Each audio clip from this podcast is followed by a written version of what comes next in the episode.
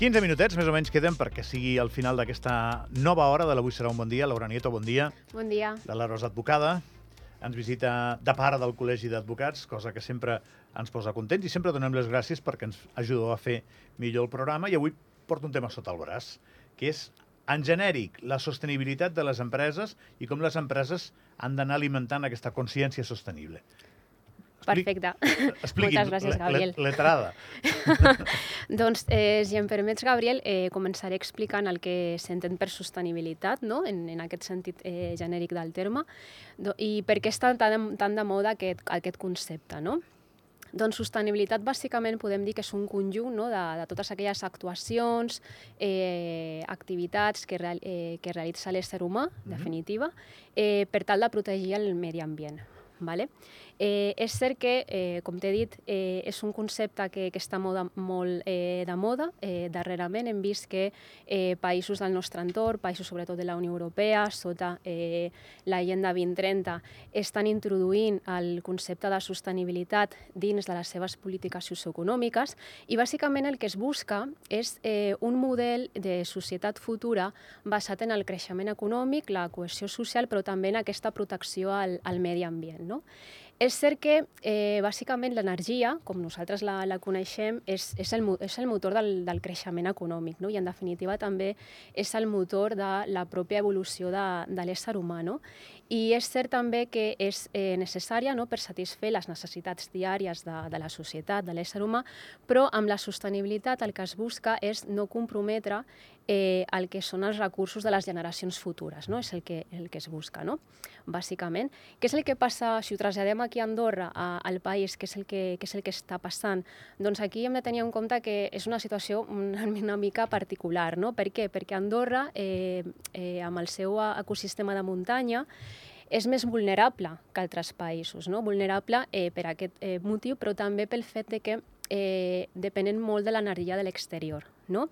i cosa que li fa encara més vulnerable. No? Uh -huh. I eh, què és el que està succeint? Doncs que eh, el, el govern d'Andorra, o sigui, el que és el Principat d'Andorra, el govern d'Andorra, eh, alineat no? amb què és l'estàndard eh, internacional i sobretot eh, tenint en compte el que s'està fent als països eh, veïns del nostre entorn, és eh, aplicar aquest concepte de sostenibilitat dins de les polítiques socioeconòmiques, no?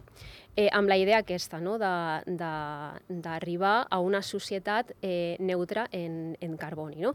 Ja es va començar aquest compromís pel fet de que Andorra és part del Conveni de les Nacions Unides contra el canvi climàtic, uh -huh. també el fet de que es va ratificar l'Acord de París el 2016, i tot això eh, es va materialitzar amb la llei 21-2018, que és la LITE, que és la llei de l'impuls de la transició energètica i del canvi climàtic, no? amb la idea de... I ara, si, si em permets, sí. eh, només per connectar-te, sí.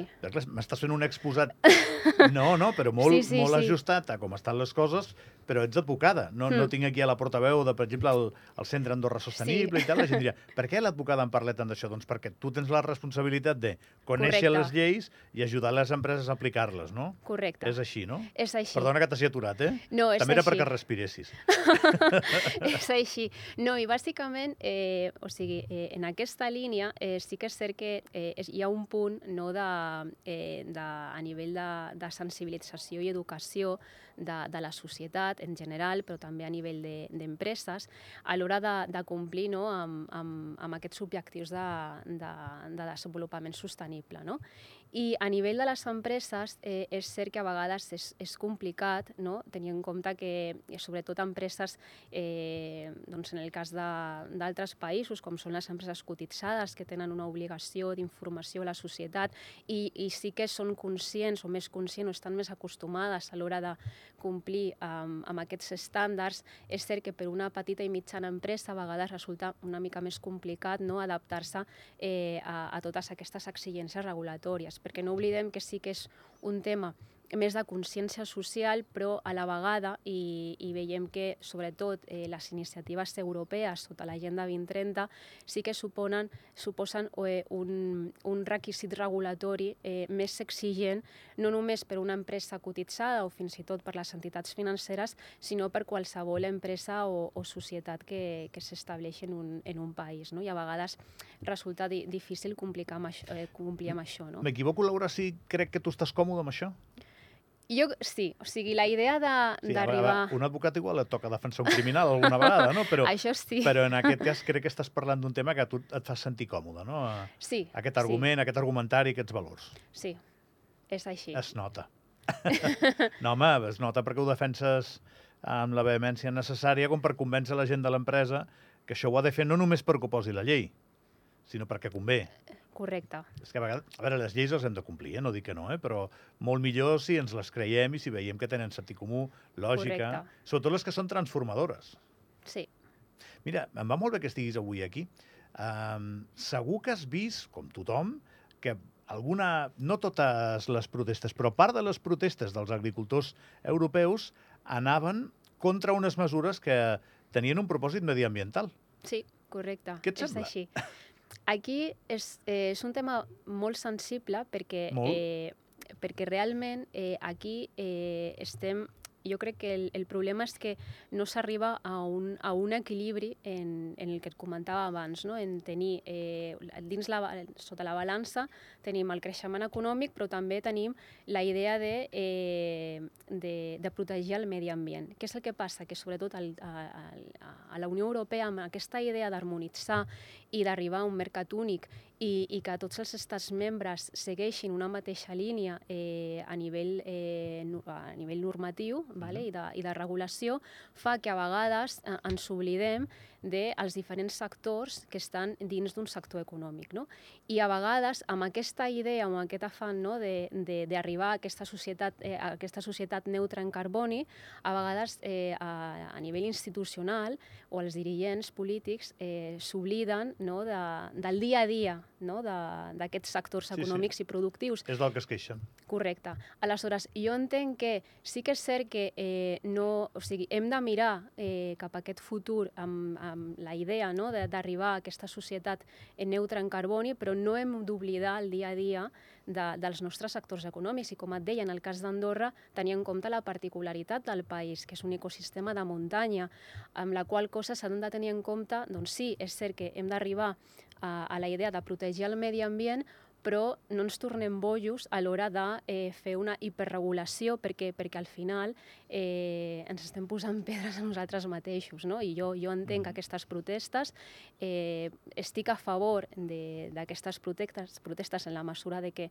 de que eh, es basen en, en aquesta idea de creixement econòmic, però també hem de tenir en compte eh, doncs, aquesta idea no, que et comentava doncs, d'arribar a un món més sostenible. No? Bueno, és que em sap greu per si ens estan escoltant alguns polítics, però a vegades és possible que facin una llei que sobre el paper queda molt bé...